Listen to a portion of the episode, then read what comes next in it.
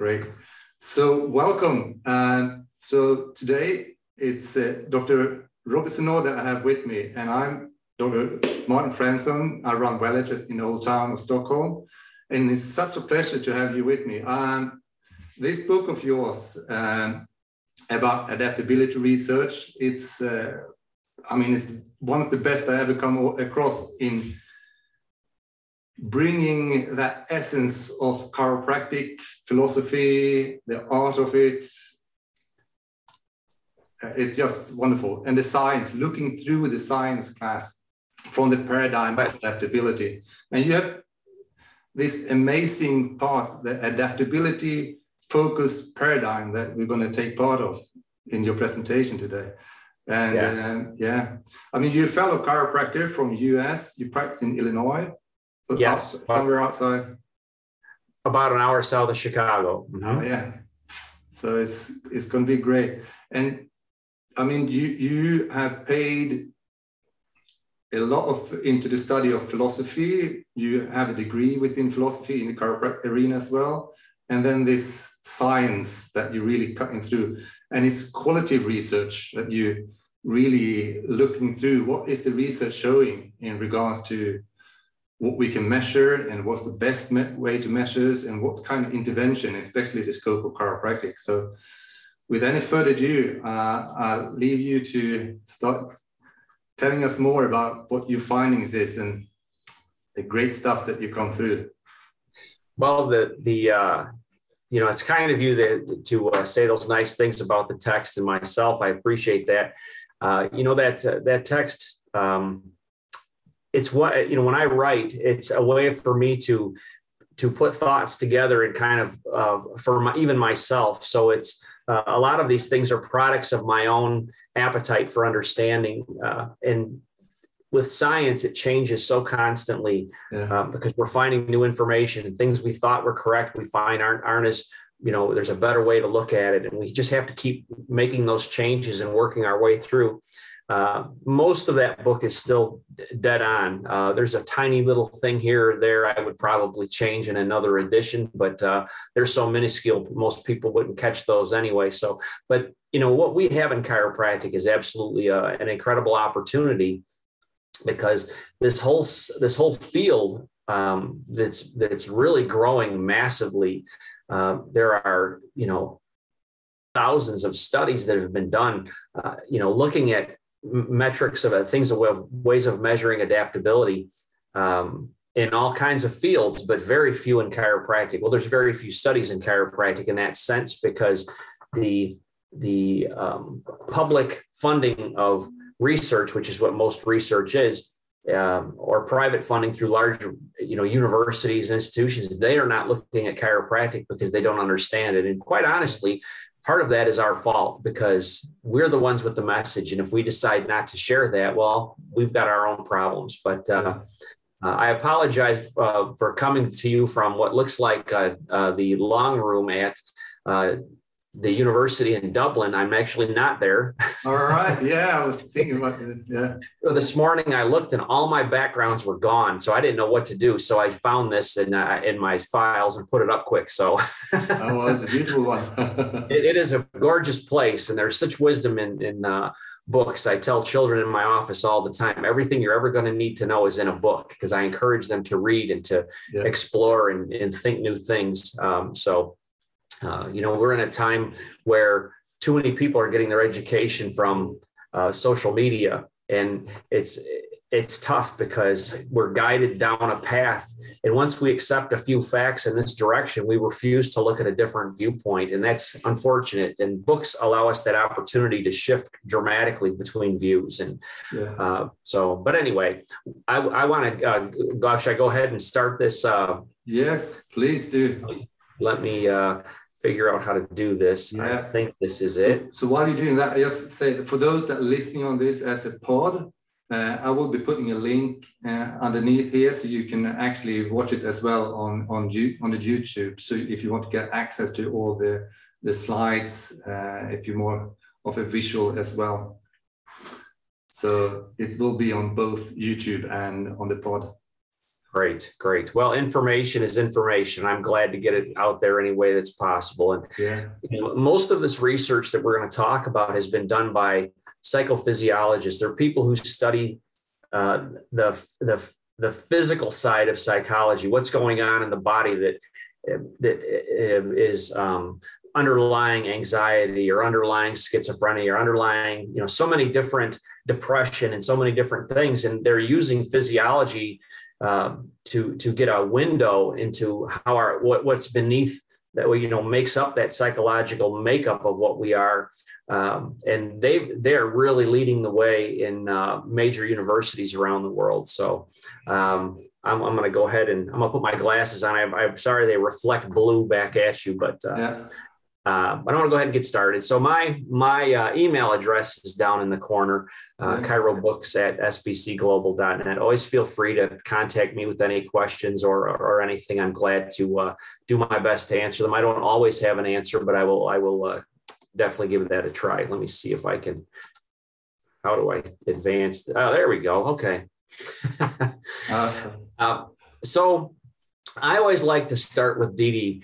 Uh, you know, in, in 19, his 1910 text, that 1007 page uh, monster book he wrote, he, he has this little story in there. And he said, One question was always uppermost in my mind in my search for the cause of disease. I desired to know why one person was ailing and his associate eating at the same table, working in the same shop at the same bench was not. Why? What difference was there in two persons that caused one to have pneumonia, catarrh, typhoid, or rheumatism while his partner, similarly situated, escaped? Why? And what's important to notice about this is what he's asking isn't why is this person sick? He desired to know why his associate eating at the same table, working at the same shop, the same bench was not. Why? You know, why did this partner escape the the fate of of the, his uh, associate that he worked with, and that's what he's interested in. It's the why of health, not the why of disease, and that's really where we take a separation at the very beginning um, from from uh, the path that medicine takes and the path that chiropractic takes. Now, uh, we had briefly before we started mentioned uh, pre-nosological diagnosis, and uh, this really came from Russia there's a um, there was a researcher there uh, who may still be doing research. I'm not sure. I haven't checked up on him in the last five or six years. But uh, Roman Bayevsky and uh, Roman Bayevsky has been involved in heart rate variability research since the very beginning, and you know, going back to um, 1965 ish in that era. The Russian space program was trying to figure out how can we, what can we do to determine which astronauts might have an ailment while they're in space. You don't want to have a you don't want to have someone need an appendectomy while they're in space. What can we do to help you know ferret out this info, you know, dig up this information? And what they developed, what, so what they're really looking for, uh, nosology is the science of, of the studying of, of uh, where something comes from, what's what's behind something, what starts it. So pre-nosology really has to deal with you know, uh, before there's a symptom, before there's a sign, before the doctor or the patient knows there's a problem, how can we find out who has the potentiality to have lost health? And uh, depending which of these studies you read, in any community, 70 to 90% of the people in that community have undiagnosable states of lost health. So they've already stepped away from optimal health, but they don't have symptoms yet. They don't have signs. You know, when people show up in a in a in their later decades of life with you know organ failure or or they're unable to get off oxygen again or um, you know so many different states they're they're uh, um, they have uh, you know diabetic issues and all of these things they don't start the day the symptoms start they start you know what they find um, years earlier decades earlier and uh, you know science has looked into this and tried to understand uh, a little bit better how this works. And you know, the conclusion in this particular study that I referenced in the corner here uh, stated these persons need assessment of the le- level of health rather than the diagnosis of disease. And these are those two people D.D. was talking about. So they're saying, have they lost health? They don't have a symptom yet, but are they heading that way? Is the potentiality going in the wrong direction? And uh, what they developed was heart rate variability. We'll get into that in a in a minute. It's not the only way, but in the you know that that sprung out of that space program in the 1960s, and others use it. The Italian space program uh, uses it. The Navy SEALs here in the United States, the elite uh, Navy team, they use it in their training, and you know now sports teams use it, and almost everybody has a watch that is looking at it all the time. And there you go. So you know it's it's a curiosity for all of us um, there's a little cloudiness on what a lot of these things mean, uh, and we'll we'll get to that in just a minute. So, what we're looking at is is complexity, and we'll we'll talk a little bit about what that means because living things are complex. They're they're uh, able to adapt, and if you can adapt, you know, if I put a flower in my windowsill here, and I here in the library. Um, if, if, I put a, if, I, if I put a flower in the windowsill, and I like to look at the fl- the sunflower, so I turn it to face me because I like to look at it. And I come back from lunch. Well, somebody must have turned my plant the other way, so I turn it back to face me again. And before I leave again, it's facing out the window because that plant can adapt. And the, the healthiest thing for that plant to do is to face the sun and absorb what it needs uh, to, to maintain its health. Yeah. Now, you know what we're talking about here is a living thing the time i turn that plant to, to face me and it doesn't turn back that means it's dead yeah. So the idea that when we stop adapting, that's the end of us. That's the end of our life. We adapt through our entire existence. Um, so anyway, this is uh, from uh, Dr. Hong at Ohio University. Uh, in conclusion, diseases are not lurking in the shadows, waiting to pounce on unsuspecting victims, but rather represent a perturbation of coordinated dynamics of many different physiological systems. So what he's saying is there's something upsetting what's behind the coordination. There's there's a, a lack of communication that's that's uh, setting up the, the physiology of the body to have this potentiality for failure. You know, decades later. So in chiropractic, we talk about the mental impulse, and now you know there's there's elements in the profession that kind of go ah, but you know the reality is that it's not interchangeable with nerve impulse um, you know, a nerve impulse, we know uh, there have been uh, papers written by uh, physiologists, uh, psychologists, um, uh, even even uh, physiological engineers that talk about um, how, given the fact that there's a half a millisecond delay at a synapse, with the fact that some cells, some brain cells, have twenty thousand connections in that in the, that one cell you know might make yeah. um, there's you you do the math on this at a half a millisecond a synapse the brain doesn't possibly work. It doesn't work. We know it doesn't. Look at here's the math. It doesn't work. But we know the brain does work. So we know there's something more than what we understand right now. So when they defined the nerve impulse back in the 19 you know early 1900s mm. the definition that they were using was mostly about you know membrane polarization, depolarization along the, the cell, um, the, the body of the cell or the, the axons in, in uh, through the cell. And you know, they also talk about vesicle formation at the terminal bulb that releases chemicals across the synapse. And you, you, you, factor in all of these ways of communication between two nerves, and it still can't explain this, the speed and efficiency of the brain.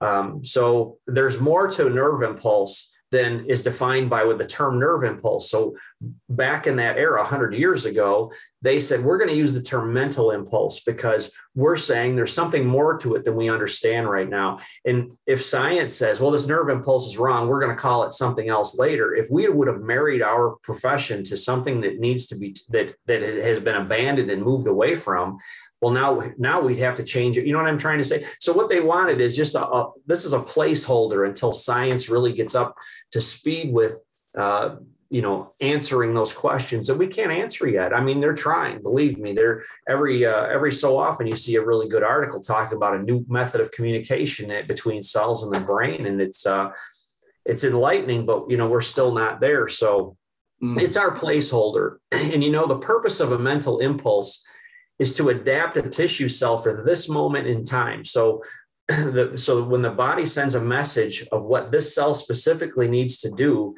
eh, for its function, which is always for the betterment of all the cells in the body, for the entire body together, is to adapt that tissue cell um, to, to, to work in that community of cells of our body. So, um, if we have a way of measuring what this mental impulse does, which is adaptability, then we have a way of looking at it. And people will say, well, you can't directly measure a mental impulse. But you know, the problem is, um, let me see if I have it here. Uh, we'll, we'll, get to that in a second. Okay, so when coordination in our body starts to fail, there's two different potentialities. You know, there's optimal function at one end, and when we start to slide away from optimal function, we may not have symptoms, we may not have signs, we may have nothing that any doctor could understand that there's a problem. They may look at us and go, You're perfectly fine.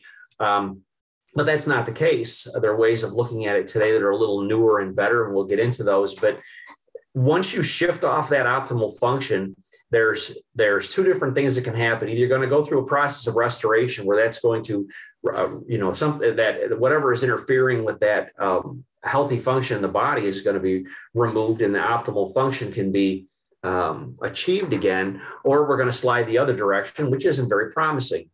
so when we talk about what we do as chiropractors with the vertebral subluxation, that misalignment in the spine that interferes with that communication system, can it be researched? And we hear a lot in our profession arguments about whether this is right or not. And it's funny because I explain these things to researchers that, uh, to my knowledge, no one in our profession has had conversations with these people uh, because they're such huge research minds. Um, and I'll show you some of them in a little bit. But um, I explained to them, I asked them, is this something that can be researched? And they said, well, explain to me the parameters of what this means. And I go through what the subluxation is, and of course it can. And it's only our, our own people in our profession that sometimes just automatically throw up this, oh, it can't be researched. And they're um, I mean, these are researchers that if they write a paper, a thousand other papers will reference their paper. And, you know, most researchers are lucky if they'll get two or three people to reference a paper. So, I mean, these are big minds that, that have no problem with understanding this, but they, they don't come into it with a preconceived idea. Yeah. They're willing to understand it better. And from my philosophical side, I can explain a subluxation and the parameters of it as, as well as anyone. Um, how do we take blood pressure? You know, in a, in, a, in a, medical study, if they're going to do a study of blood pressure, do they do they open up an artery and stick a Doppler in there and measure directly the pressure? Of course not. That's not what they do at all. They measure the effect of blood pressure, which is distension of the arm. That's not blood pressure. You're measuring the distension of the arm and the pressure that that distension puts on the cuff. So that's, of course, you notice I use the Swedish spelling for you of the sphygmometer that cuff that they put around and pump up, you know. Um, so what are they really measuring? You know, it's the effect of the blood pressure. So when we're measuring the effect of the of the um, mental impulse, which is uh, adaptation, and we see a diminished adaptation in post adjustment, we see that level of adaptation increase. We can deduce just as easily and, and as scientifically as they do with blood pressure with the distension of this of the surface of the skin.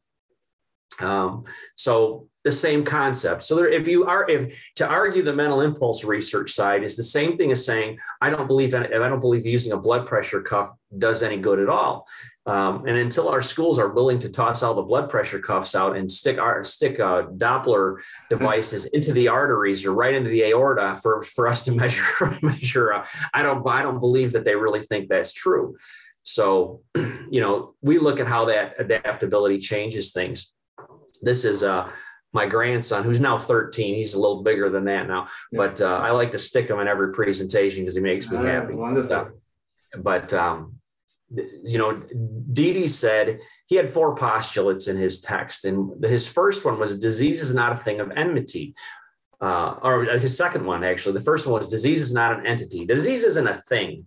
Yeah. Health is a thing. Disease is an absence of something. It's kind of like light and dark. You know, you go into a a dark room and you turn on the light, where did the darkness go? Well, it didn't go anywhere because darkness isn't a thing, it's an absence of something. And health works in that same capacity.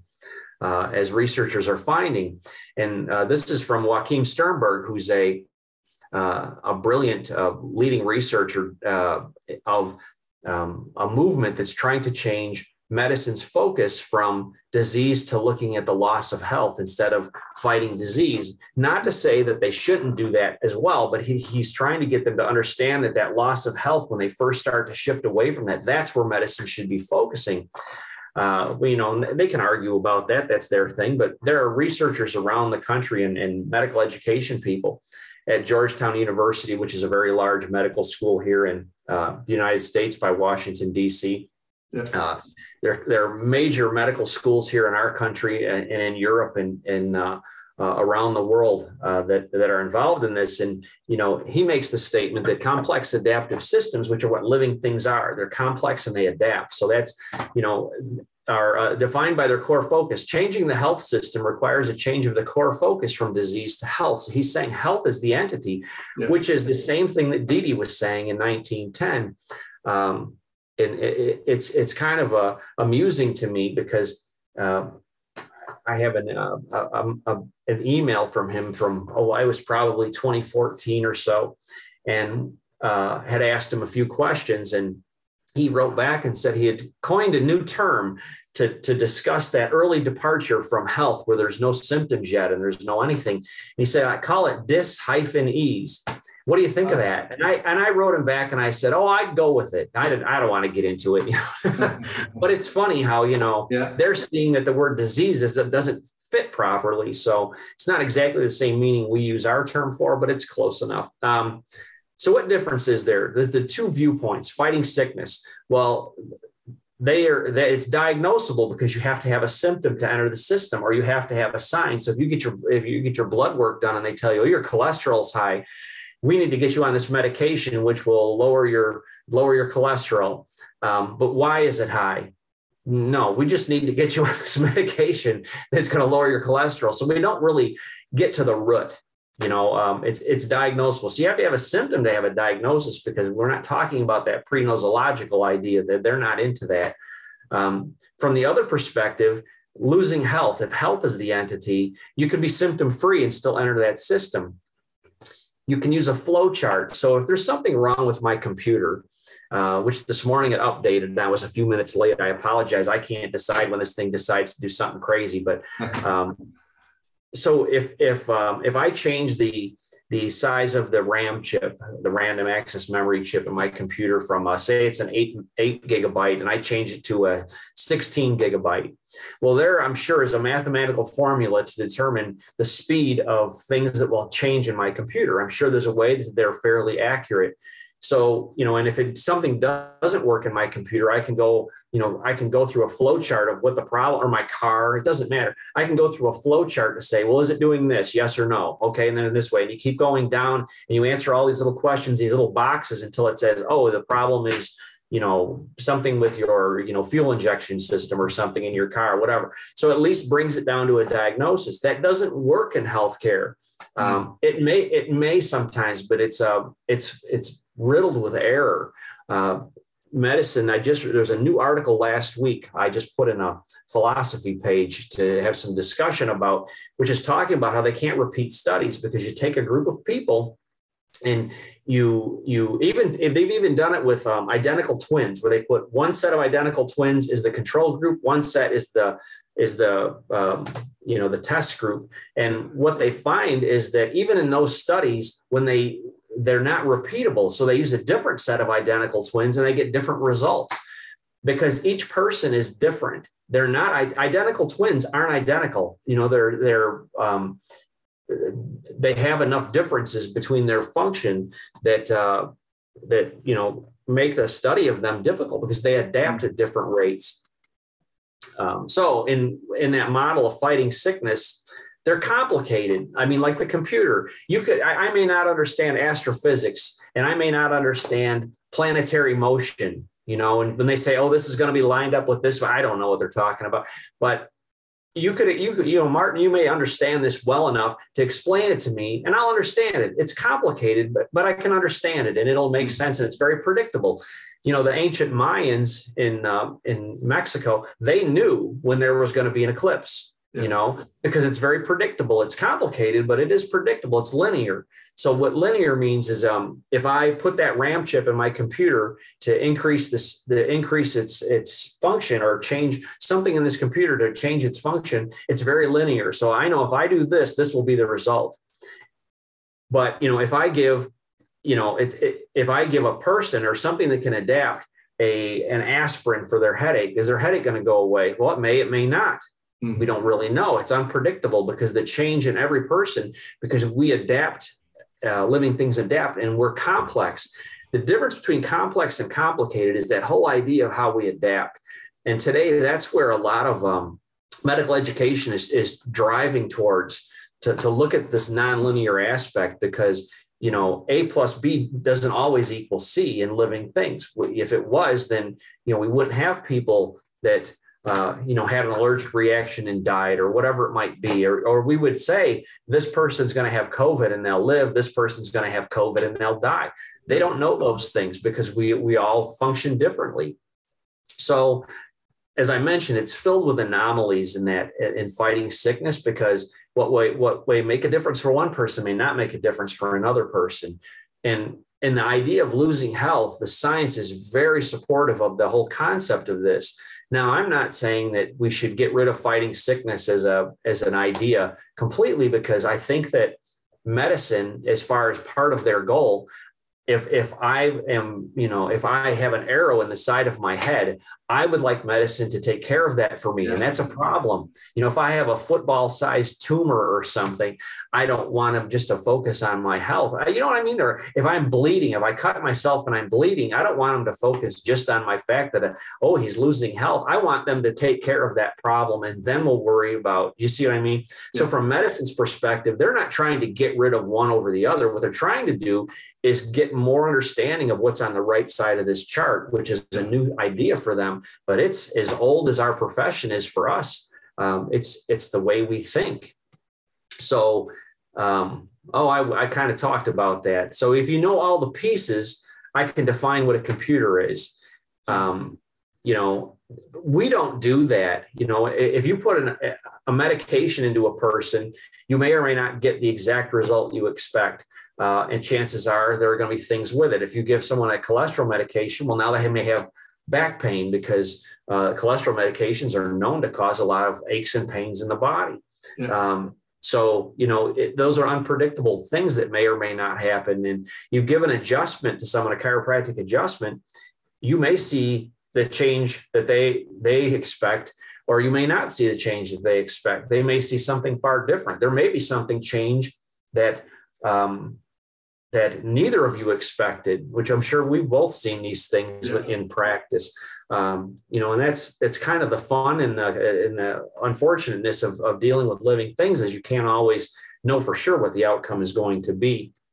So, and you can't just you can't take a kidney specialist and a lung specialist and a heart specialist and put them all in a room and explain how the body works. It doesn't work that way because there's a there's an overriding everything that that, that none of them are really um, paying attention to, and that's that complexity, the idea of what's behind the, the ability to adapt. Um, and that's why parts focused medicine, you know, I'm a kidney specialist, I'm a lung specialist. Um, it's a, it's a, it's a subspecialty in medicine to be parts focused, but they're never going to understand the full uh, picture at the same time. And I'm not saying we should get rid of cardiologists and get rid of lung people. I'm not saying that. That's not the point. But it's just a different way of looking at the same idea. Yeah you know what what's gonna what's gonna be the outcome of you giving an adjustment to the next the next fortunate person that comes through your door today? You don't know that and i don't know that for sure but um, you know the downsides of chiropractic are typically far far less than uh, other options people have out there as well. So, um, so yeah it's you know we kind of we kind of hit those things already. Now this is uh, dr uh, Katerndahl, who's a um, researcher at a medical school in um, San Antonio, Texas. And, you know, he made the comment that nonlinearity may explain poor treatment response of traditional approaches, limiting the benefits of cookbook practice guidelines. Yeah. So when we see practice guidelines, even in our profession, a lot of us just shake our heads and go, we're missing the point. We're, we're looking at this as if a, it's a linear dead thing you know th- those ideas may work great for corpses but they don't work for living things. They just don't. It's a it's there's too many things that fall outside of that of that theory. And when you start having anomalies things that fall outside of your ability to answer them you need to look at your theory again and say but maybe there's another way of looking at this. Um, but in chiropractic we have that. So uh, you know talking about evidence-based medicine you know back to dr sturmberg who i mentioned before uh, most published medical research is wrong, and critics coined the term, uh, the acronym GIGO, garbage in, garbage out, as a meme to highlight the risks of blind faith and the hyped up procedures of the evidence based movement. He's not some radical medical uh, professor at a school in uh, New South Wales he's a he is a well respected person in the field of medicine. He's not some guy screaming on the sidewalk standing on a box with a bullhorn. I mean he's a he's a legitimate researcher and there's a lot of these people that look at the whole idea of, of what the evidence-based movement has turned into which is you know you have to have a double blind study and these things. That's not what evidence-based was ever intended to mean. It's what uh, gr- some people have decided it means and it's it's unfortunate you know, back to Dr. Katerndahl, uh, interventions targeting dynamics would have applications here because we're dynamic, we're changing. So things that look at that uh, would have a, would have a, an ability to to help in this situation. Treatment would focus on changing the dynamic pattern, so changing that pattern yeah. from periodicity to complexity, and we'll get to that in a minute. Rather than looking at the symptoms, um, because one actually is a, a precursor of the other. One is a leading indicator. So you you you know I can go past a uh, uh, where you buy where I buy fuel for my car at the gas station here. I can drive by and go, oh, the gas prices went up, mm-hmm. but that's not. But if I watched if I watched uh, the the news, let's say, and they said, oh, there was an oil fire in the Middle East today or whatever. Well, that means the gas station is going to go up this week because that's how they do it. You know, they they look for anything, you know, that somebody sneezed in wherever and they're going to raise the gas price. So that's a leading indicator. When I know that the oil fields on uh, are burning in the Middle East, I need to go down, down right now and fill my car up because I know that that price is going to go up. So to to look at that symptom of the price isn't going to give you the, that um, ability to get ahead of something that seeing the problem of that oil field uh, as as you can tell what's coming. It's a leading indicator. And you know to look at to wait for a lagging indicator like a symptom is is um, it's just it's not great policy. Um, so when he talks about focus on change the dynamic pattern here's an example of you know skin temperature that's been used in our profession since 1904 Sorry. Um, and uh, the the red is the pre and the blue is the post. It's a little hard to see that little blue line hidden over here, but um, these are seven minutes apart on a patient who was adjusted, just to give an idea. Yeah. So what we're looking for, BJ looked for a pattern. So in this red one, we see this this swing this way back here. So when we're looking for that for that pattern, we can do this I've had patients come back I, I, haven't seen in five or six years, and I do another temperature scan, and it lays right over their their their pattern when they had problems before, and uh, so it's it's very repeatable in that sense. So when you change that dynamic pattern that Dr. Katerndahl was talking about, it's exactly the purpose of, of what Dr. Palmer was doing with skin temperature. I'm just using that as an example. Yeah. Um, there's a the head of the Virginia uh, Tech uh, Mind Body Lab, which is a major medical uh, uh, facility here in the United States. Um, he used skin. He used uh, uh, temperature control to explain the whole idea of the dynamic patterns in the body as well. And he doesn't even understand the way we use it, you know. But it so it. I mean, it is a it's a very fitting way of looking at it. But what we need to look at because it's nonlinear, it's um, it's it's there's not uh, I don't want to say randomness because there's always a uh, um, there's always a cause and effect, but you know, when I was a kid, this is a very small picture, a small one in this picture. But when I was a child, we had these things in our parks and they were probably 10 to 15 feet across. They were gigantic. Yeah. And some poor unsuspecting child, which was probably typically me, uh, you'd get him in the center of it and four or five other people would start spinning this thing like crazy. And as long as you stayed in the middle, you know, you could adapt pretty well. And, but as soon as you got to the outside of that center, centrifugal force would take you back and you're holding on. And this little girl in this picture, it's the same idea of what innate intelligence does in the body. It resists entropy, that idea of breaking something down to its to its uh, simplest uh, parts um, is, is to resist entropy. So the the wisdom of our bodies that what's happening when we're alive the whole idea of life is to is to resist entropy uh, in, in that opposite direction so the forces of that universal those universal forces of this little boy in this picture uh, are putting a strain upon you know a stress uh, upon this this uh, you know the body to resist that entropy, that that universal force. So I just like this because it reminds me of my childhood. Yeah. I'm sure I took a few too many. I took a few too many spills off of these things, probably. but uh, it's the same idea. You know what they find in research is that to have increased levels of health, you have to have decreased levels of entropy. So the better your body resists entropy, the the healthier you are. And as our health begins to fail, our ability to resist entropy decreases. So, you know, you see pathology, you have higher entropy levels. And they also find that to have higher, um, to have higher um, information through the transmission through the body, like we talked about the mental impulse in yeah. that sense, to have communication in the body um, the, the better the communication level is, the lower the entropy is, the lower we're being broken down. And, you know, all of us can take the skin on the back of our hand here and just kind of lift that up and let it go. And, you know, a few years ago, that would snap back to this beautifully smooth baby skin that I had. And, uh, you know, now I'm pushing 60 and I don't quite have that anymore. And I suppose in a few years, I'll have to you know, work it back down to look flat again. But that's just how our bodies work. You know, the, the forces of entropy work on us uh, throughout our life. It's part of the aging process. In this little illustration in the corner, you see someone tossing bricks. Well, it's not too probable that the bricks are going to fall in this beautiful pile.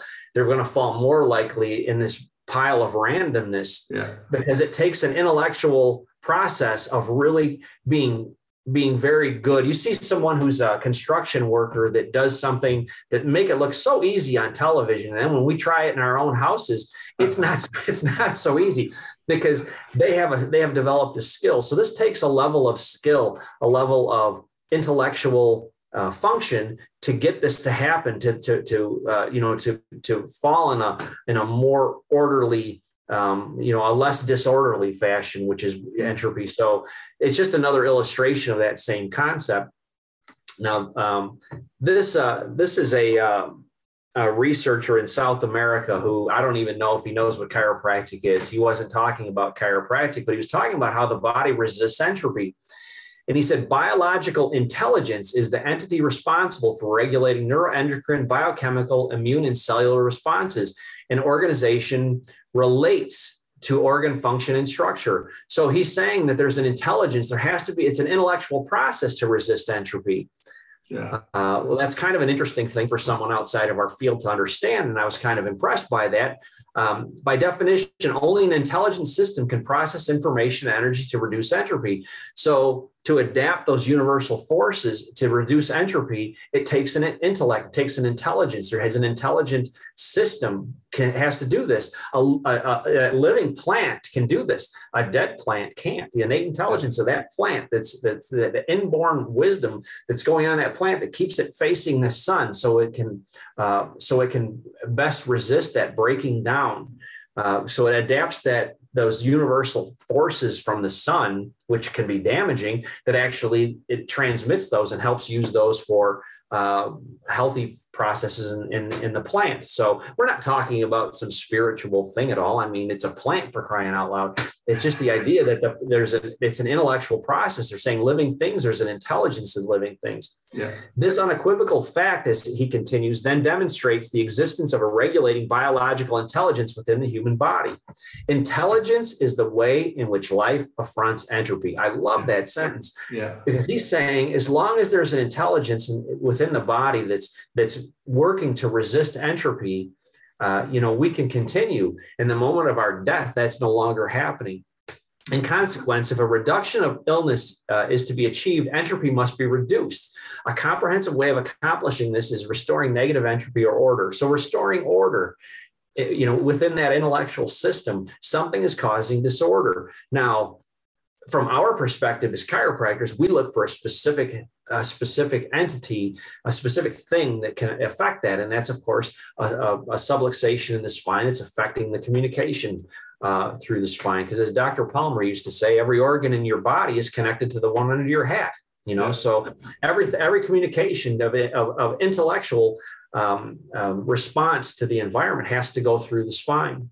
So uh, you know, I kind of summarize what, what, what they're saying here is communication from intelligence results in resisting entropy. the level of entropy resistant is commensurate or, or equivalent to how you're adapting, and it's therefore proportional to health. So the entropy resistance, and you can go on. Uh, are you familiar with Google Scholar?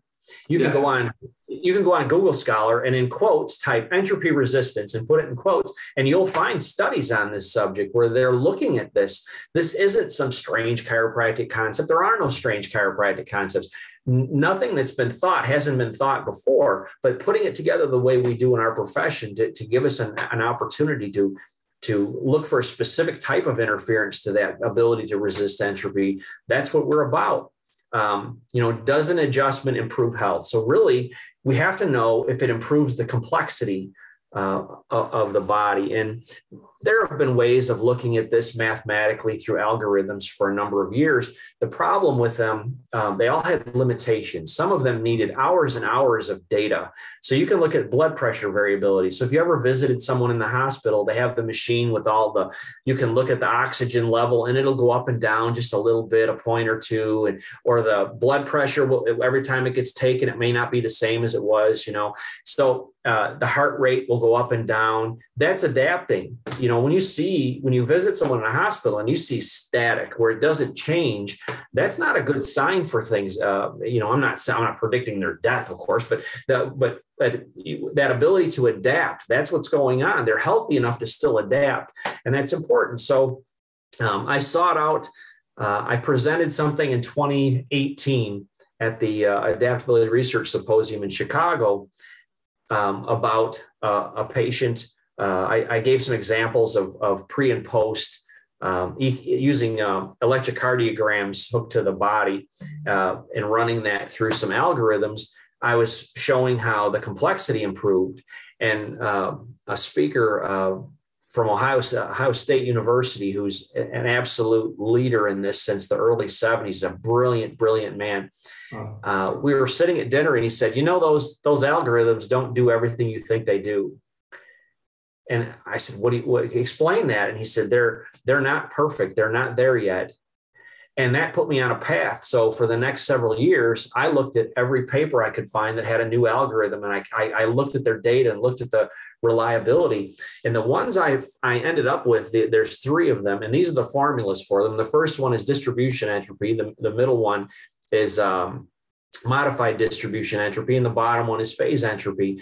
And um, I, I, actually hired because uh, you know i needed to have someone who understood this and understood the technological side of building a website, um, I found a mathematical physicist in um, in uh, um, Denmark who I hired at a university to do this for me, and he put together this website that calculates these things for researchers for free.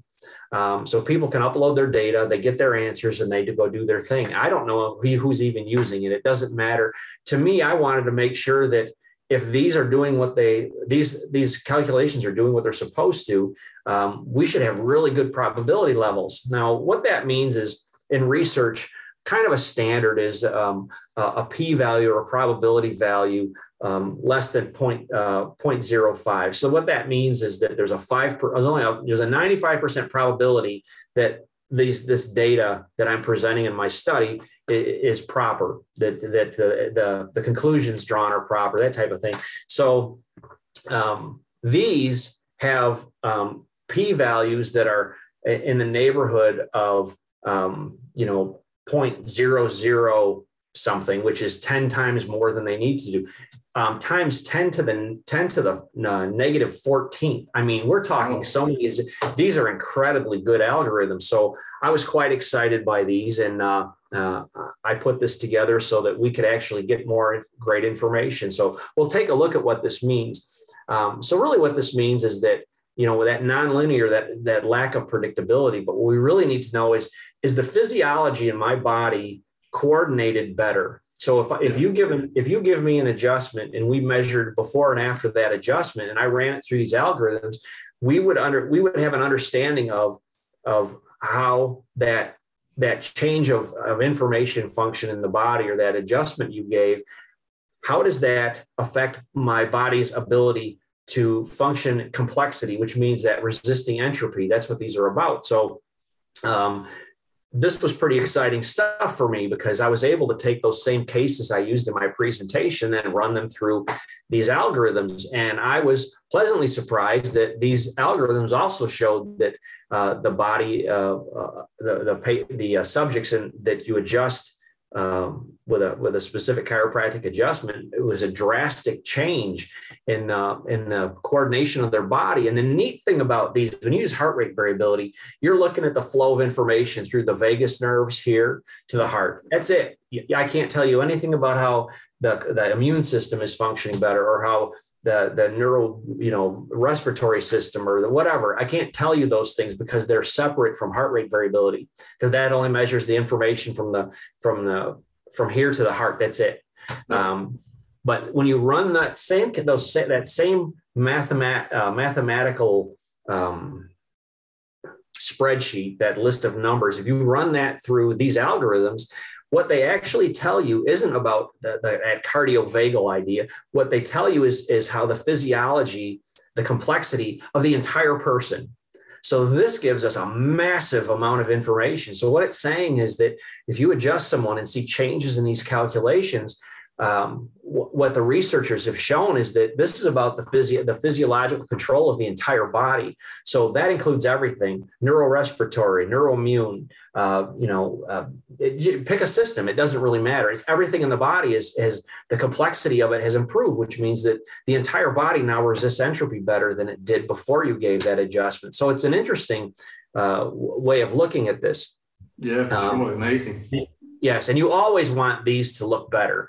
Heart rate variability may go up, it may go down post adjustment because increasing heart rate variability isn't our goal. Our goal is to um, change, to see that change, because we, when we see a change in the system, that's really what we're looking for. And we'll explain that in a minute. Yeah. Okay. Um, here's the picture of the website. It's entropycalc.com. Um, and uh, again, it's completely free for anyone to use uh, that's that has data to put up. Um, this is the there's a description link down here where it says first click the description link and that's this page and it really explains this um, why these make sense in a in a pretty brief simple way so that's where i would go if you wanted to understand these these three um, um, time series uh, algorithms a little better. But let's look at heart rate variability because I'm going to keep you here all day if I don't move a little faster. Um, so heart rate variability, what that means is, I don't know, can you see my arrow here? Yeah. Okay. So from this point to this point, that's we measure it in time. So this is two and a half seconds of heartbeat data here at the bottom. And now the space between this peak and this peak, the center of each peak is um, 859 milliseconds, which is, you know, 0.859 seconds. So this between this beat and the next one, what changes now it's a little there it's a little closer. And the third one is even closer. So this one, if this is um, if this stays exactly the same in all 76 and this one's at 83 so because the body's adapting that heart rate variability it should vary. It should go up and down. Those spacing should should do like this back and forth and um, what we don't want to see is if you have a heart rate of 60 most cardiologists would say good for you that's fantastic but the problem is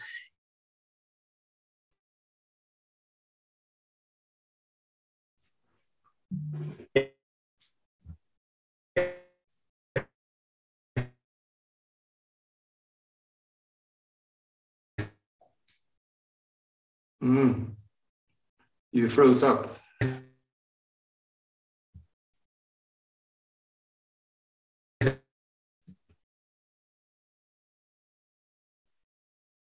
River twice.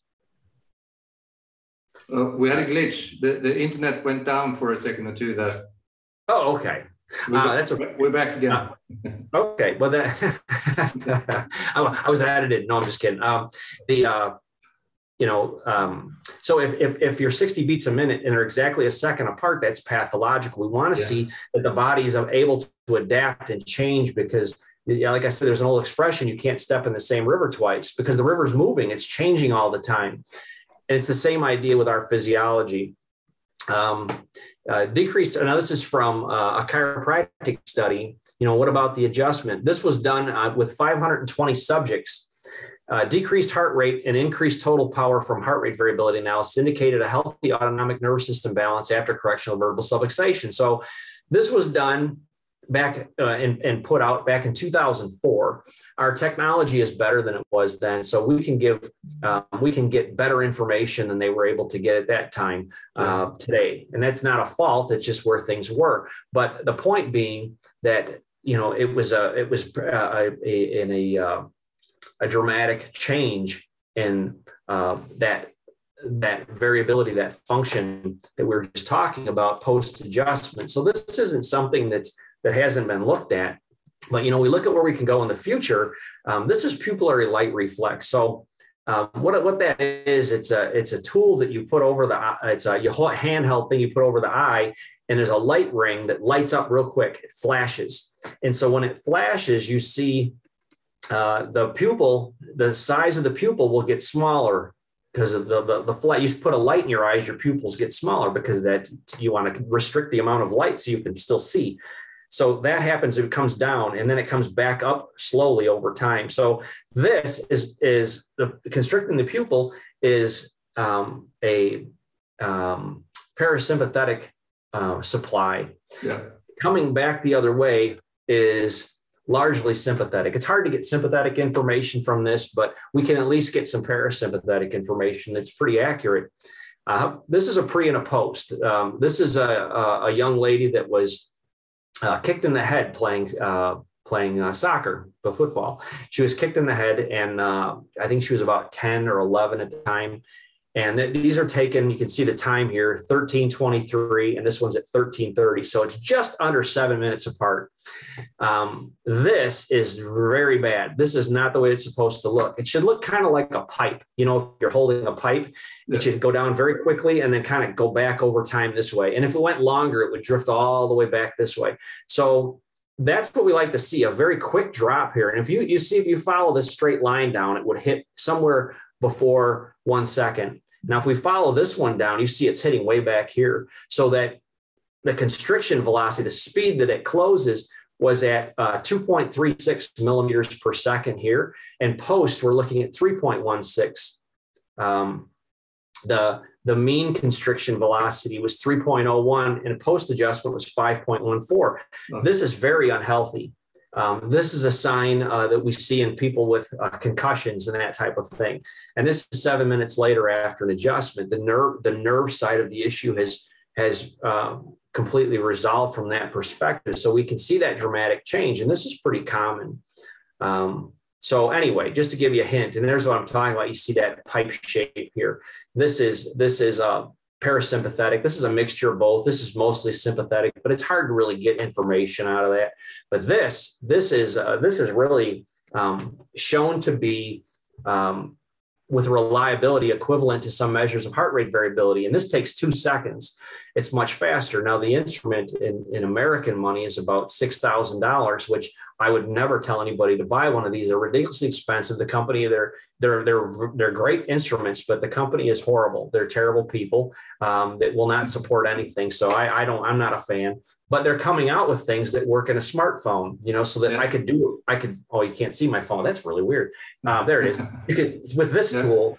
So theoretically, someone at your front desk, when, a, when someone comes in to see you, they could hold that up and do this on the way in and they can do it on the way out again and look at the difference between the two. So I'm not saying people need to do this, but it's a way that we can get information for research purposes. Yeah. It's not going to tell me who needs adjusted and who doesn't need an adjustment, but I'm a, these are the things I can look at before and after just to see what's going on in the body to get a bigger picture of this.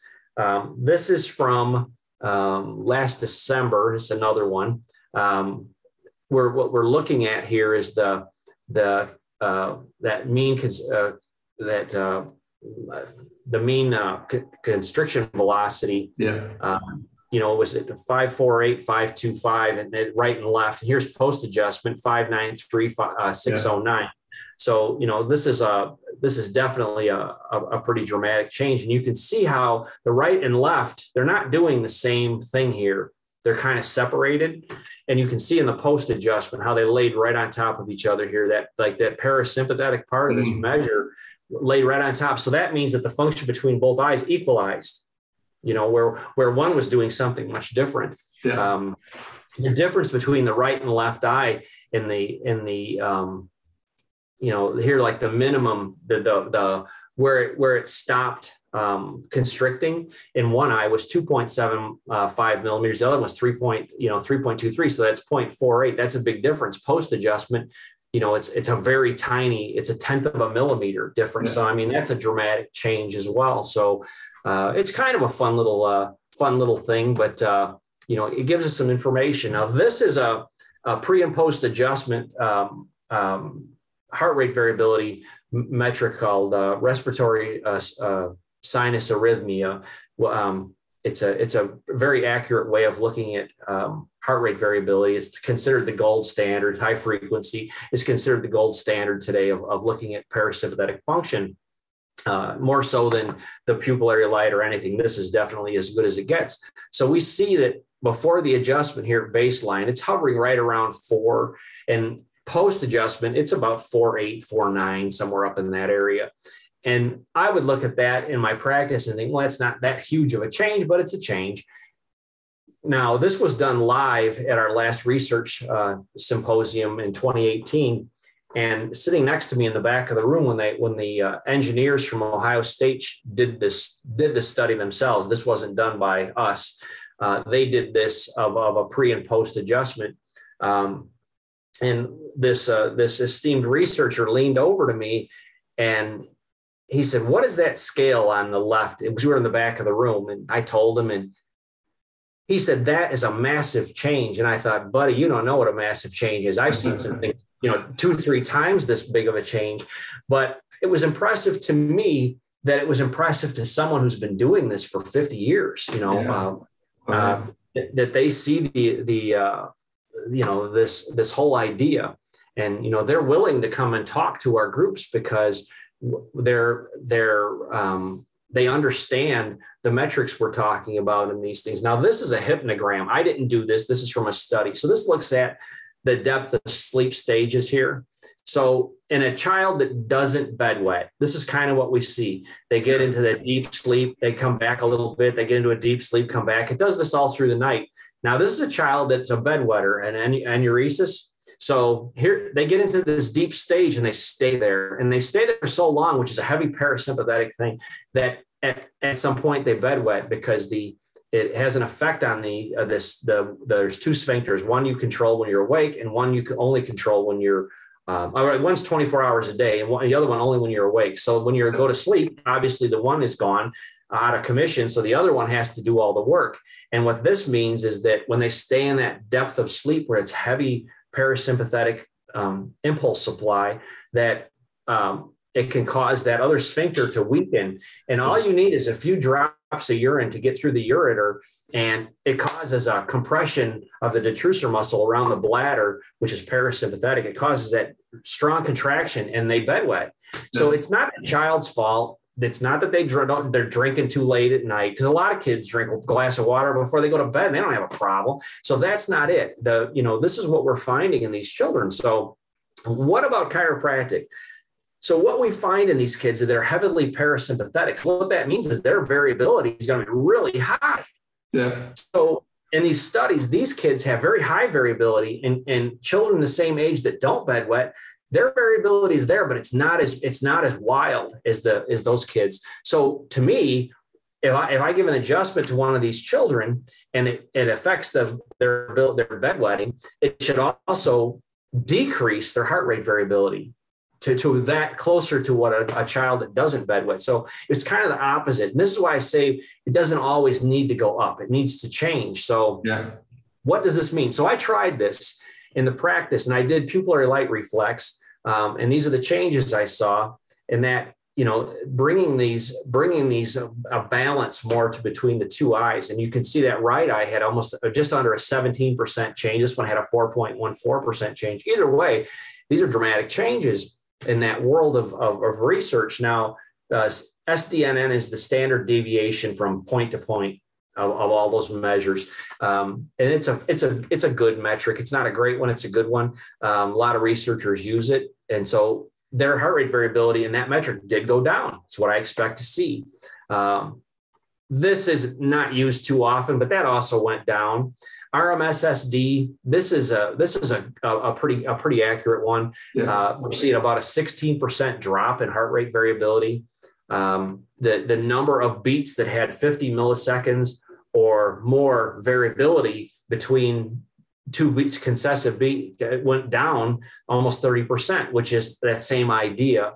Um, low frequency, which isn't really in my book. I, I there's a lot of studies that say it, it, it's about sympathetics, and it's really not.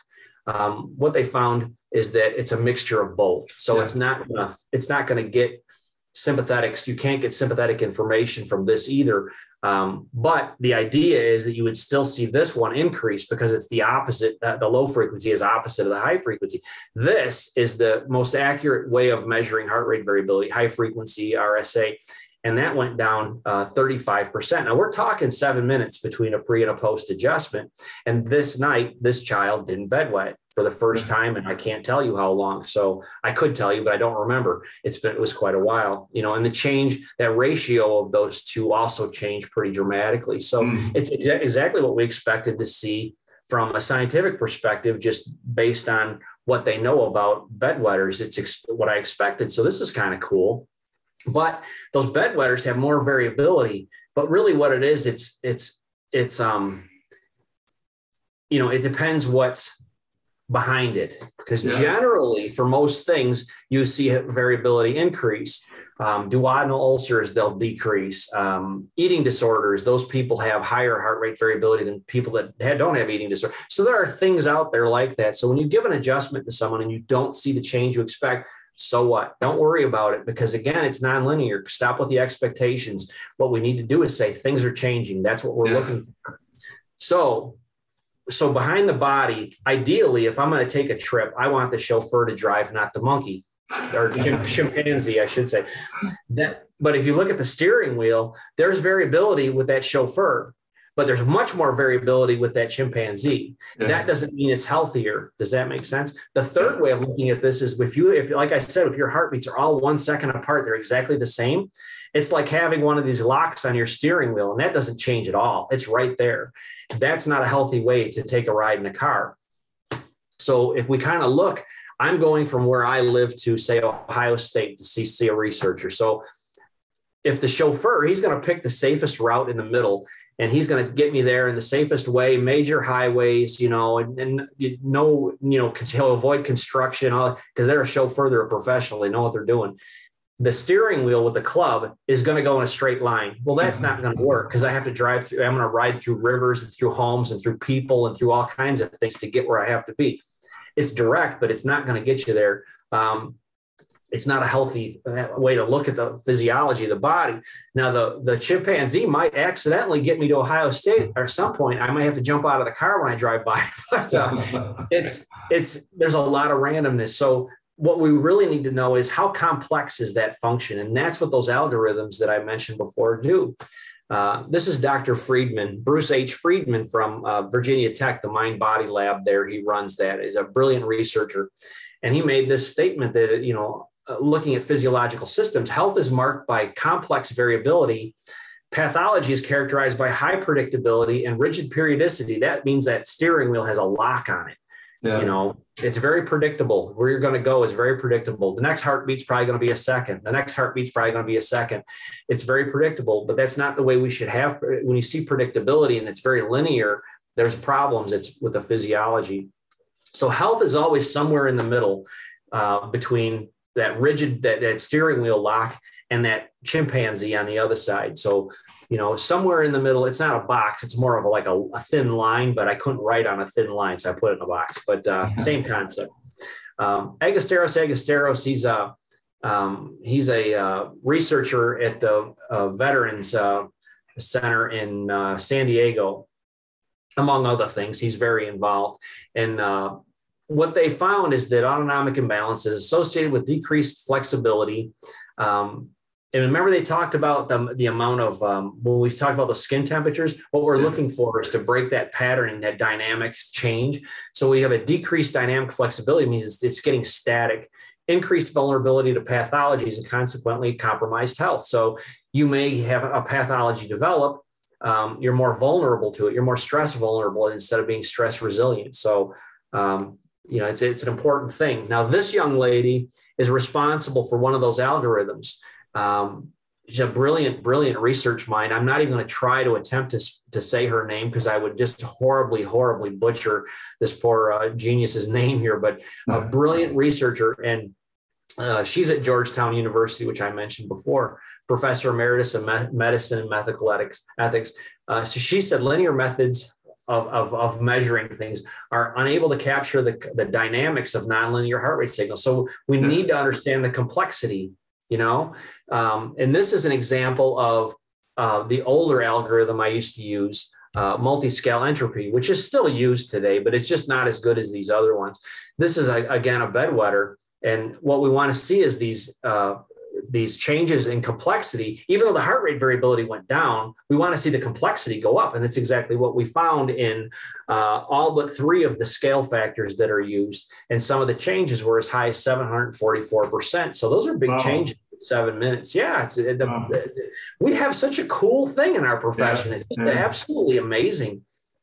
Um, this is the same picture, but it's in a chart instead, just to give a sense of what that's about. Um, now, I ran uh, this this data through these algorithms, and, and I found that the um, rate of complexity, uh, the level of uh, ability to resist entropy, or the complexity of physiological control in the body increased. And this is a full body thing. This isn't about bedwetting. This is about how their whole body is functioning. We see these increases uh, post adjustment. So that's pretty cool. Wow. Um, uh, the uh, this is a I'm trying. I'm going to think of which one this is. Okay, this is a this is a case of um, uh, cystic fibrosis. Is that some you know cystic fibrosis? Is that translate? Yeah. yeah. Okay. Sorry, I don't know. I think have different names in Swedish. Cystic fibrosis. Oh. Uh. Okay. Um, what's neat about these kids when they come in, uh, from the time they've been diagnosed, at however years old, you know, a few years old, they're diagnosed with cystic fibrosis. And in our country, um, every six weeks, they get um, lung tests for the presence of bacteria. Um, for, they look check for seven different bacteria, which these kids will eventually succumb to at some point in their life, um, very commonly. So every six weeks. So if you if you come in to see me I have a stack of these things that I can show you, but I have to ask for them because they don't think to bring them. But um, but what what happens is these kids will have you know one bacteria, um, one or two, sometimes two, but usually just one that's always there in every test. Oh, Staph aureus, for instance, it's always there every time, every six weeks. There it is, there it is, there it is, there it is. So what that basically means is before a chiropractic adjustment, I can sometimes go back you know, a hundred, a hundred tests and say always there, always there, always there, always there. So what that means is we've done, we had now have a hundred measures that say this is always there. Now, the way predictability works, the next test should be the same. Yeah. You don't expect it to suddenly change. And what we find universally with these kids in, in practice is that they're they get their first clean scan ever after their first adjustment. Wow. That's dramatic. And That's parents, dramatic, are, yeah. parents are very excited about this. I don't get rid of bacteria. I don't know what change needs to make. My mm-hmm. my job is to remove that interference so the communication flow in the body can happen happen the way it's supposed to because we we we know through scientific research that a decrease in communication leads to the body not functioning optimally anymore. It starts to slide towards what you know the sickness if you want to use that term you know starts to slide away from health and it makes them more vulnerable it's that vulnerability that's important because you can go to that same google scholar and look up stress vulnerability in quotes you'll find studies about stress vulnerability yeah. stress resilience you can put those in quotes and you'll yeah. find studies about those and i suggest people do that because they're amazing they're amazing that this uh, this so when you look for a vertebral subluxation in a patient in your office I don't say, let's see how your nerve system's doing today because they feel fine. They're going to say, oh, in their head, they're thinking, I'm fine. Well, let's see how your spine's doing. Well, they think they feel fine. Yeah. That's fine. But if, but I, t- I say, let's see how you're adapting today. And when I, when I determine that a subluxation is present, they always are saying, what did you find? What do you think? because they don't understand what that means. And it's an opportunity for us to explain current science and how it interplays so well with our profession. So this is a this is a i just put the left eye up here for an illustration so we saw almost a 10% uh, increase in the speed that that body is uh, able to constrict that pupil now they've tied vagal function uh, and parasympathetic function to immune function in, in many studies uh, that people who have a, an overriding sympathetic that, that fight or flight uh, that their immune systems uh, decrease for instance kids that are autistic they have a more sympathetic um, yeah. They're more towards fight or flight. So the, a lot of them, they get sick a lot. They have a lot of colds. They have a lot of different things that affect them. And so I, I see a lot of autistic kids uh, because parents realize that, boy, my kid doesn't get sick like he used to anymore. And it's a big thing for people. Um, you know, their children are very important, which I completely agree with. So this, we had, um, you know, in excess of 50 tests going back every six weeks with this, this, this uh, person here. And his next test showed clear five days later. His next test was five days. And I told his mother, I don't know what change you'll see. I mean, his next test is only a few days away. You may or may not see a change. I have no way of knowing that, but let's see what happens. And her appointment was the next day. And she called our office and left a message that night and said, I couldn't wait till tomorrow. Uh, to tell you that he's had his first clear test and we're so excited. Um, and he has had now, this is four years later, he still is, is has clear tests. Uh, oh, so it's just the way the body functions, you know. Yeah, he still is had he still has his issues with cystic fibrosis. Mm. You know that doesn't go away. That's a genetic thing. Um, I'm not treating cystic fibrosis. I'm not treating bacteria, and I'm not treating anything. My job is to remove an interference and stand back in awe of the body and what it's capable of doing. Um, I always tell people at their in their when I before I give them their very first adjustment, if and when you feel better, you can't blame me. I'd love to take the credit, but that would make me cool. And I'm not cool. I'm just a guy. I'm doing my job. My job is to remove the interference. Your body is cool. You know, your body does the impressive thing. And after people see a change, I'll usually say something like, um, do you need another bottle of those tablets that Gail gave you at the front desk? Well, she didn't give me anything. Like, you know, like she got, they got ripped off. And uh, I said, so I didn't put anything in you. I don't remember taking a scalpel and changing your anatomy. What did I do? Oh, I get it. No, what did I do? I'm, I'm curious what you think happened. What, what was my role in this? What did I do? What happened to your body? Nothing was put into it. Nothing was, was, was, you know, surgically changed. It was nothing from that medical viewpoint was done. What did I do? What what happened in your body? And I don't care how badly they explain it, but I want them to put it into their own words, and then we can have a conversation about that because I want them to understand what their body is capable of. Yeah. Uh, you know, uh, I don't know what change this, these people are going to see either. But I, I, in all honesty, I've never had a cystic fibrosis case that didn't that didn't clear out like this. It's just maybe the next one won't. I don't know because it's nonlinear. I really don't know. Are there other things that can affect our immune function besides the subluxation? Of course there are. But our input to the system is the subluxation. That's our job. No one else does that. There are people trying to do that, but they, are not very good at it anyway. Um, but you know that's that's our role. This is a pre and post adjustment um, of a, uh, a, a this is what uh, BJ was doing in his final work was the side posture toggle, and uh, this is a pre and post adjustment of a C2, this uh, second vertebra, uh, entire segment right ESR. That's what that means. Um, so we're looking at 270 pairs of heartbeats, and I ran them through these algorithms, and all three of them increased uh, as high as 66 percent. Uh, that is a massive, massive change in in um, positive function in the entire body from an adjustment in one spot.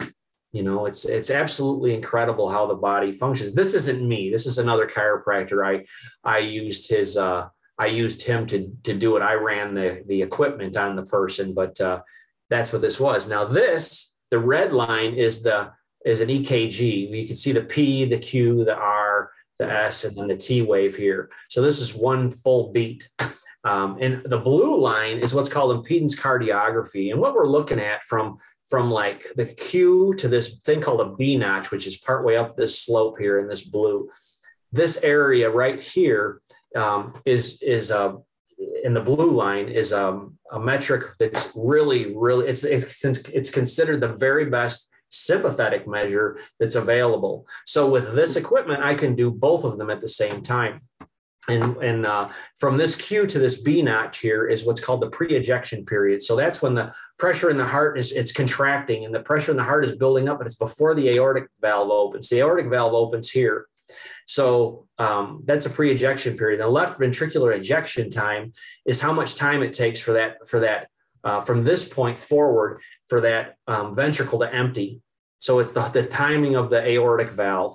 So those are really good sympathetic measures. They use they use uh, skin conduction, uh, you know, where they, they measure across a palm or where um, those are all valid, uh, but none of them are as good as as uh, impedance cardiography. It's super accurate. Mm. Um, and this is a, a I didn't do this, but uh, someone else. It was someone else's patient that uh, we ran the data on in a pre and post adjustment, we see a 26% change in impedance cardiography uh, post adjustment. Well, that's a pretty dramatic uh, a change. Yeah. You know, a percent or two you could write off to, well, that's just a different thing. But you see a 26% change, it's that's dramatic. That's a really impressive. So we see the the sympathetic function uh, decrease post adjustment. It, it dropped 26%. So that that fight or flight versus the rest and relax, the parasympathetic and the sympathetic sides of this, it shifted away from that, away from that uh, fight or flight side, you know. Yeah. Um, so that's that's you know that's a pretty impressive uh, change, and it was one I had handy to put in here into the presentation. I have others, but I, I didn't want to take your entire day. Um, this is a COVID nineteen case, a pre and post adjustment and we also see uh, increases in all three measures post adjustment. So what this means, uh, and this is the, you know, these are the size of the, the, the accuracy of the data can get drawn out to, uh, to a very, very small uh, fraction, uh, you know, uh, of change. So um, what's interesting about co- the COVID cases is we hear how there's no data to suggest that chiropractic affects immune function. Well, number one, if the complexity improves post adjustment, you don't have to measure immune function. Every system of the body, the function is improved through complexity analysis. It's how it works. You can't say, oh, it's everything except the immune function. Well, that's ridiculous. So just by running these three algorithms, we know that the complexity imp- the complexity improves, the ability to resist entropy improves, it includes the, the neuroimmune system. So um, that's a you know that's a dramatic uh, thing to see that you know a pre and post COVID case can see these changes. Now, right now at Life University, um, their researchers, their their president of their school contacted me and asked me to hook their uh, one of their researchers up with a with a, a, company that makes really good equipment and get some meetings going between them. And I, I did, you know, I just facilitate and stayed out of the way and let them do their thing. But um, they ended up buying the same equipment I have, which is the very best stuff that's made out there. And this uh, software that you see on the screen is, is, is as good as it possibly gets.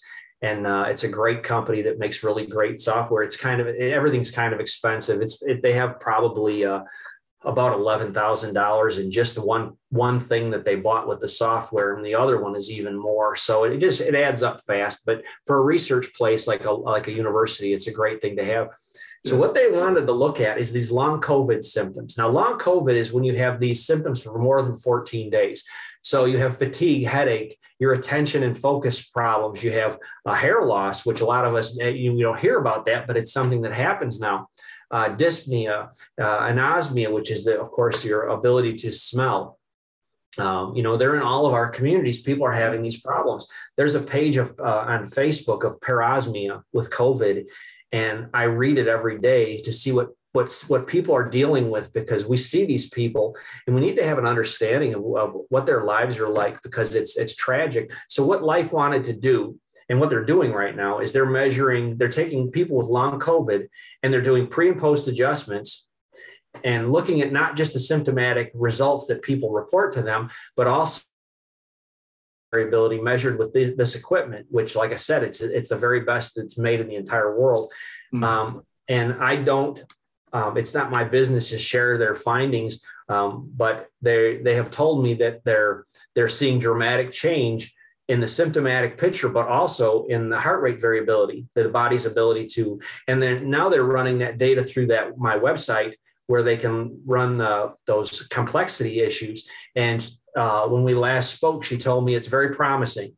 So this is an exciting thing. This is the first thing in chiropractic at a large scale that's been done that talks about the physiology of everything in your body improving with an adjustment.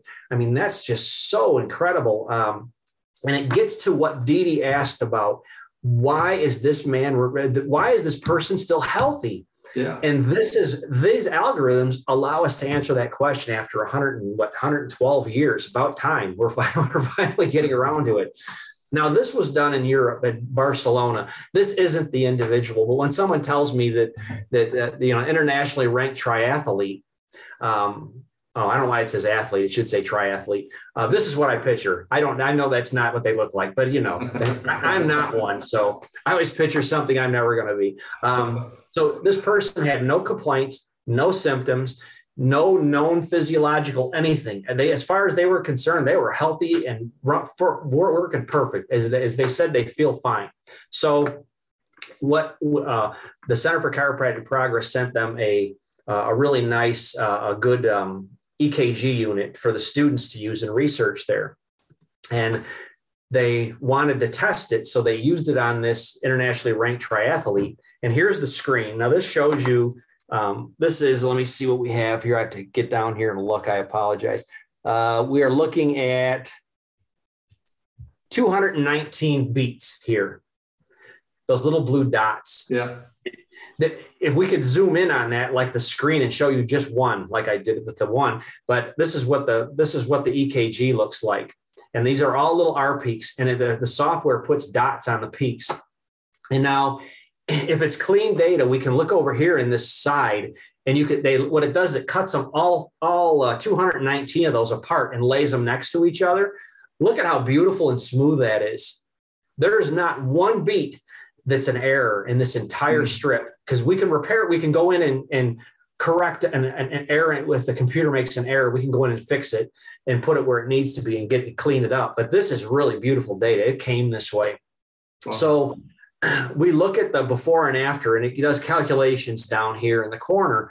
Um, but looking ahead, so RMSSD is a parasympathetic um, uh, uh, impulse measure, you know, the supply from that side. And we saw, uh, we what we found is they had a 97.4% increase post adjustment. This is a triathlete. They're finely tuned.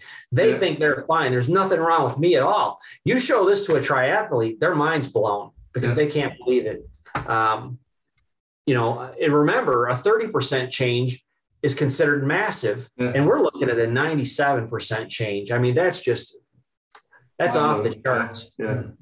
Now, uh, this is a this is a uh, we're looking at like a frequency domain here. And what we look, pay attention to is up here in the corner is 117.95 high frequency RSA.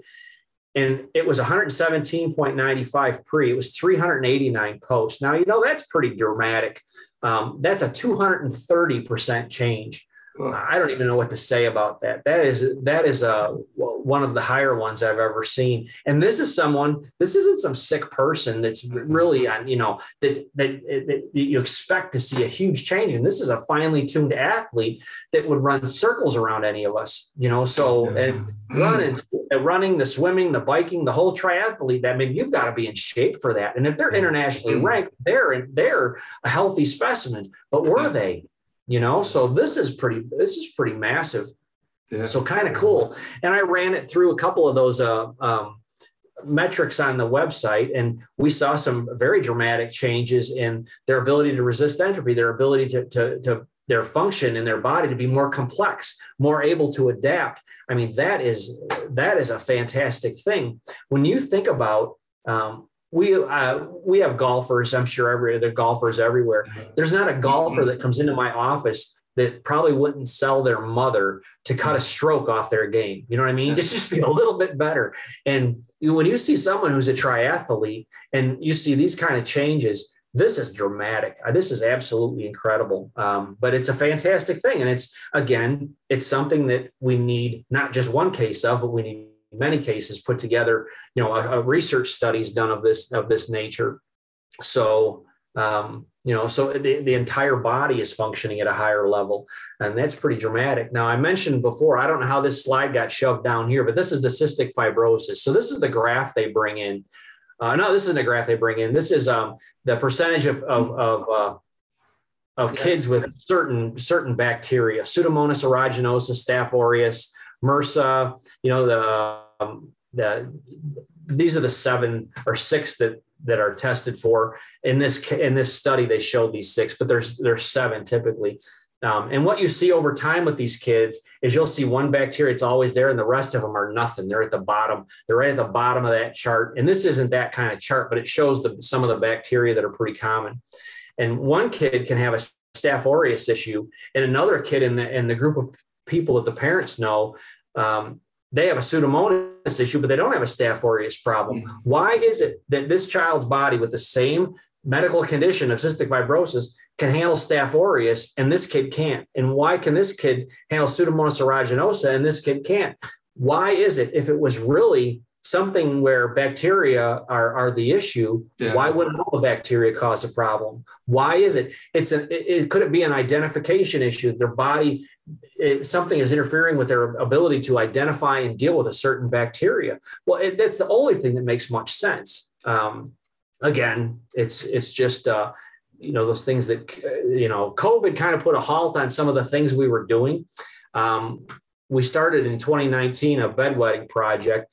Um, this was with Gonstead chiropractors. I'm not one of them. I don't I don't get involved in the research end. I I clean the data and send it on. I don't look at it. Mm-hmm. I don't I don't know what the pre and the post are. They're all numbered, so I don't know what anything is. But I don't know. So I clean it like on the screen you saw before, and I send it on. And these uh, go to uh, a PhD in Europe actually, who's in charge of the pro- project. And um, it kind of went it kind of got halted but we're, we're talking about firing things up again. The mm-hmm. problem is the ecgs that they were using the company that uh, that made those specific ones has um, no, no longer supports them and it works through uh, their website. And so we have an issue with them even functioning the way they're supposed to right now. So we're trying to figure out the problem yeah because they're not cheap. And, and i have um, i have seven of them. So, oh, you know, I was kind of disappointed. we'll get it going again, though. It's not a problem. Um, the cystic fibrosis study is designed in waiting. I want to get this other one done first, and I want to do something with that. Uh, testing with the bacterial levels, the, the pupillary light reflex and ECG um, together. And then we're going to do uh, female infertility uh, we're looking at the pre and post first visit, and then periodically over three months of care that they're going to agree to, to go through uh, to see what changes we see with uh, female infertility. So interesting, you know. Yeah. And not not the typical thing, not a back pain in there. We've got no. so many people looking at that. Do we need more of us looking at that? I don't think we really do. You know, we've seen we've all seen a fifth lumbar study. If we're supposed to wait for research, Fifth lumbar is safe. Have you ever seen a fourth lumbar study? Well, there's never been a fourth. So don't touch the fourth lumbar because we don't have any research. I mean, what, at what point do we just say this is this is getting a little silly? Um, so you know, it all comes back to what D.D was talking about, and uh, you know that whole idea of of um, you know what we're what we're about uh, yeah. as chiropractors stems from that. And so, am I off sharing screen now? I don't know. You're off sharing screen. Yeah, yeah. Okay, good. I'm sorry. I'm, okay, great. Whew. That was. Uh, I have windburn. sorry, it went a little bit long, but uh, it's it's hard to pack up. Uh, you know, even yeah. I left a lot of things out. I'd love to talk about, but uh, yeah. you know, it's ama- amazing uh, stuff that you're doing and it's well, staying adherent to the original why and the original questions and original principles of chiropractic, why, why it came about. And just like what science and the measurement tools that are available today uh, that can show yeah. How, how, we can actually have an impact on human physiology, improve it. Absolutely. well, when you stop and think about it, when when we heard last, was it April of last year or the year before? I can't remember. I think it was the year before that uh, the, an organization in chiropractic said, well, we shouldn't talk about neuroimmune function because we don't have any studies. Well, they're in charge of research. So yeah. that means for 30 or 40 years, we've been giving them money for nothing. Yeah. What are they doing? You know, I mean, this is their responsibility. It's not my responsibility as a practitioner to be doing this work. Um, but since there's this gaping hole that no one's filling, I'm just trying to develop some interest in it. And, you know, when, when now that life is, is uh, life uh, university in Georgia is, is uh, moving in this direction at a pretty rapid rate with some very accurate things. You know, um, like you can you can use a. Oh, sorry, I put it in front of me. You can use a you can use a smartphone and put your finger over the camera and it'll give you some information about heart rate variability. Yeah. But an iPhone, which has a pretty fast camera, you can take it to the Apple store and have one of their Apple geniuses, as they call them here. I don't know what they call them there, but they're they're the people there that really know Apple and they'll fix things for you. They can super tune your camera and get about 65 or so frames per second. So what that means is that it's dividing that beat into 60 some slices. Wow. Now the standard today in heart rate variability is 250. So 250 hertz, 250 cycles per second that it's looking for that peak. Yeah. The chances of hitting a peak with this are about zero. Yeah, uh, yeah, yeah. There's nothing wrong with people doing it out of our own interest. Yeah. But when we're going to publish research, we have to go to the standards, and the standards are 250 hertz. Um, there's nothing that that's iPhone compatible or anything like that that's going to that's going to get to that level of of specificity. Yeah. The, the units I use, those seven units that are having an issue right now, but we'll get it resolved. Um, they're at 500 hertz, so they slice that wow. beat into 500 slices. And I have uh, two tabletop units that uh, they're they're um, they they're a thousand slices per second. So you know you're never going to miss a peak. So they're extremely accurate and, they're beautiful uh, beautiful data streams um, because it takes if it takes a picture of that heartbeat. Yeah. And it's one second is this long, and if we slice it 60 sometimes, the chance of hitting and catching the peak, so we know where the peak is, it might slice that peak off. So we think this is the peak down here because we never saw this, you know. And so the data from it may not show how impressive chiropractic is. Yeah. And that's the danger. Everything that gets published in chiropractic that I've ever seen has never used uh, high enough heart rate variable, or high enough um, hertz levels, high enough, uh, you know, that 250. We're just not there. Um, not to say that it doesn't have value, but we need to get ourselves to that point but with the research we're doing that we're using the very best equipment available so that our, our results are, are not as um, open to question uh, of, you know what they mean. So. I'll stop talking now. great, great, uh, great material, and I'm so thank you for your, grateful for your time. Oh, it's my pleasure. I do hope soon we will get you over here to Sweden as well and, and can oh, host you for I, an I, adaptability research for you. I would love that. I would, uh, yeah. I was in, I was in Helsingborg some years ago, and uh, yes, and uh, for just I was there. I got there Friday, and I, I Friday night, and I left uh, Sunday morning. So I didn't uh, I didn't get to see much, but I was there for this kind of a purpose to do this kind yeah. of thing. So um, but it, it's a beautiful country. So yeah, yeah. Stockholm, uh, Stockholm is amazing. Although I'm from West Coast myself, but Stockholm is amazing. So it's beautiful. Uh, just uh, like uh, uh in the end, I like to ask the question. You, you, know, you already touched based on it all, all the way through uh, this presentation, about how you see the future of healthcare and the future of chiropractic in, in your the vision that you hold dear for, for the future of uh, humankind, what we can offer and and healthcare in general? Well, you know, I'm excited for young graduates today and students because they're starting 30 some years more into the future than I did. And yeah. I just think it's fantastic for them to, to have data because when we didn't have the, this kind of research wasn't even thought of back then. So um, I, I, think that um, it really depends on what we're going to do as chiropractors. Are we going to um, you know, use a limited uh, approach where we're um, kind of what you, I would call a narrow application, where you know chiropractic we just are looking at low back pain or headaches or whatever, and that's such a minimalistic approach, and, and science is showing that it's since we're not linear to not consider the physiology of the entire body is a it's I mean it's not it's not a scientific way of even approaching um, what health means and and uh, you know what the what our existence means because we're here because of our ability to adapt. The moment we stop we're no longer uh, on this side of the soil so to speak. So we you know where we're going to go really depends upon uh, where things are going i'm very excited to see um, chiropractic research heading in this direction um, it's been a long it's been a long path and a, and a lot of frustration to see it starting uh, but it is starting. And I think as um, just for instance, as life starts to publish some of the things they're doing, other researchers in our profession are going to see this and think, we need to really look at this closer. And you know, as that starts to happen, um, I, I, think it's going to uh, have a groundswell of interest, and our profession would support research much more um, financially if they were doing things that reflected what you do in practice and what I do in practice and what we see and what people what, what the experience of, of the typical patient is in our practice, if they take that into consideration in designing their research questions and things they might want to look at, yeah, you know, it's you know, I I've we've all seen things in practice that we scratch our heads and go, wow, that was I I didn't give that person a chance. In my mind, I thought, oh boy, this is uphill.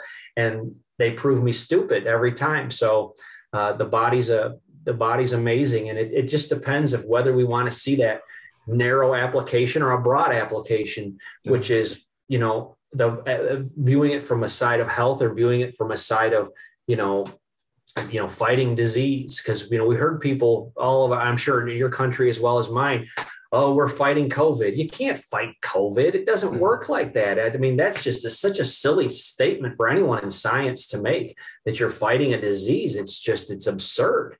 Uh, you, you put on a cape and you grab a sword and you fly into battle against a virus. I mean, it just isn't the it isn't the point. Why do why did someone now me? I had COVID, didn't have a single symptom, and I know the symptoms. I you know we were all very familiar with them. Yeah. Never had a symptom. I wouldn't be in my office if I if I knew I had a symptom. Never had a fever. Never had a scent thing. Nothing. Everything was perfectly fine. I only found out because uh, uh, it was a year and a half ago or so, I, I uh, get donated blood. And they told me, well, you can go online and, you know, see what your results were. I'm like, well, I didn't have it. I know the symptoms and everything. And uh, I went up a couple weeks later and thought, well, I should at least look. And I looked. I'll be damned if I wasn't antibody positive. Yeah, yeah. Never had a single. Why do I skate through it this easily? Why?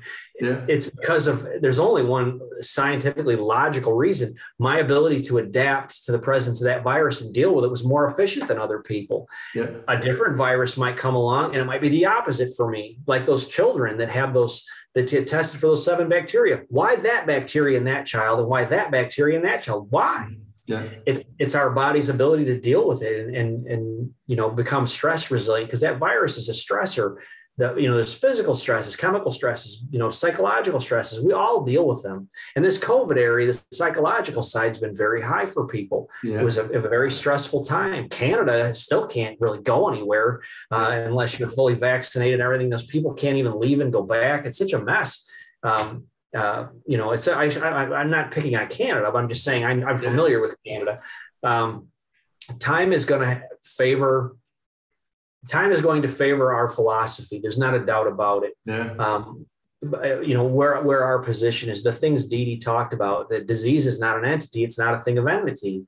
Um, it's not a thing you can fight because it's not a thing. That darkness in the dark room, you don't come in and attack the darkness. You you, you turn up the light. That's a, that's the way the body works in that same you know analogy in that sense. As long as we can adapt better and we can show that people adapt better mm. under chiropractic care or due to chiropractic care, I think that's a that's a fantastic um, future for our profession. Um, I hope we can wrap our brains around it and you know be able to communicate it to the public so they see the real value of what we what we provide as chiropractors, what the body is capable of. Yeah, yeah. So don't know if that answered your question. Probably yeah, more. Yeah, yeah, it did. Yeah, yeah. Wrapping it up nicely. Yeah. I mean, trusting innate intelligence when we can identify where's the interference of the, on the nervous system through the chiropractic analysis and, and address it to, through the adjustment, specific adjustment, then things happen. And, and it's not really up to us to know what that innate intelligence uh, is to sh- cherish it. right, right, exactly, exactly. Well, you know, someone could have a headache because they have a, a tumor behind their eye. Yeah. yeah. So, you know, for, for, for chiropractors that want to get rid of headaches, I don't know if that's necessarily a job we want to have anyway, because I would want my headache to get more intense so yeah. that I, I look into it deeper and try to find an answer than to say, oh, I don't feel it anymore and just let it continue to grow. I mean, that's not our job, isn't to get rid of pain. Um, the body has pain is a signal. It's a it's a warning of transgression that something is is going on. Yeah. And to eliminate that is to is to put a plastic bag over the top of our smoke detectors in our mm. homes and then go to sleep and say, well, that noise was driving me crazy. So I covered it up and now let's go to sleep. I mean, that's nuts, but that's our healthcare that's what we do yeah as a, as a, as a humanity so to change that in people is difficult especially you know now with the but see now they're seeing that you know the covid thing it's you know you don't need a vaccine you need two then you need a booster then you need whatever. And then people still get it. So you know you kind of have to scratch your head and and as the public and, and start to wonder well how could they be so wrong about this? And you know not that i not that i'm a uh, the covidologist or anything like that but i'm the thing is that you know we can see these cases where people with covid that are adjusted that their body functions at a more complex level they have a higher level of, of stress resilience and, and immune function is absolutely a part of that. So that it all ties. There's no you know you can't give an adjustment that affects only the kidney. It doesn't work like that you know? Why does a woman have uh, kidney infection, her left kidney, and then another one, and another one. It's never in the right kidney mm. because there's a weakness in that in that left kidney. Unless there's a left-handed kidney bacteria that can only get off in the left kidney. I mean, that's absurd. But what do they do medically? They give them a drug. They give them a drug. The problem is in the lack of drugs in the bloodstream. That's not why you have headaches. That's not why you have kidney infections. The, and I'm not saying they're they're they shouldn't do that or should do that. That's not my business. But from our perspective as chiropractors, I'm more interested in if there's an interference to the to the community of control in the body that protects that kidney. You know, in that sense, you know what I mean. Something in the body that's that's a a, a kilted, that's a, a, you know off off balance, something that's not right that we can make a change with. Um, the same thing with a child with ear infections. Oh yeah, well, it's same ear, same ear, yep, same ear, yep, same ear, yep, same ear well then how is an antibiotic going to know which ear to go to yeah. you know what i mean does it leave the other one alone and it's it just doesn't make a lot of sense from from a cause perspective that it's a lack of drugs. A lack of drugs isn't the cause of our problem. You know there's something bigger. Sometimes it's because they let something go for three or four decades and now you need oxygen. And i don't care how good of a chiropractor you go to they're probably you know they may very well need oxygen forever because the damage has been done. And you know unless they can live 500 years they probably can't live long enough for tissue t- tissue repair you know? I don't know you know but uh, it's if we can if we can understand what we are as chiropractors what makes us different and explain that to our communities so that they see the obvious value in what we do. I've been under care. Um, this year is 40 years that I've been under care. I've, I've, I've never gone more than 14 days without getting checked. I don't always need to be adjusted. Sadly, as I'm getting older, more common that I do need to be adjusted, but uh, it happens. But I've never missed a day of work in my entire working life. I've never missed a single day. I've, I've you know, I don't know. I, am not saying that chiropractic is the only reason for that, but I'm not one of these people that's in the gym. I'm not one of these people that says, no, I can't eat that donut. I'm going to eat that donut. Sorry, I, like, I like them. So, you know, I, I, I break a few rules of health as people put them, but you know, there are people that uh, in this we saw in this last issue with COVID that did everything right. They ate right. They, you know, they they had the proper amount of whatever they're putting in their body and the exercise and all that stuff, and they're no longer with us. So, you know, that can't be the answer to, it to everything. You know, there's got to be a reason. Why is it that that virus they couldn't handle? They've lived through, you know, 100 colds, they've had the flu, they've had all these different things. Why this virus? What is the problem they had with this virus? And it has to be an identification issue. There are, um, we can do a whole thing on immune function and COVID, yeah. but you know, it's it's just we all saw this the entire public of the world saw how you know we haven't found that that answer through everything all the billions of dollars that was spent in medical research trying to find this answer to fight the virus. And we haven't, everybody still had to have the damn virus. So, you know, obviously it didn't work too well. So, you know, if they would have spent, you know, a thousandth of a percent of that money in chiropractic research, they may have found some other answers because if they would have had those people with COVID adjusted, they very well might have, might have found what we found with these other cases that their complexity improved, that you know things are things are improving for people, their immune functions better.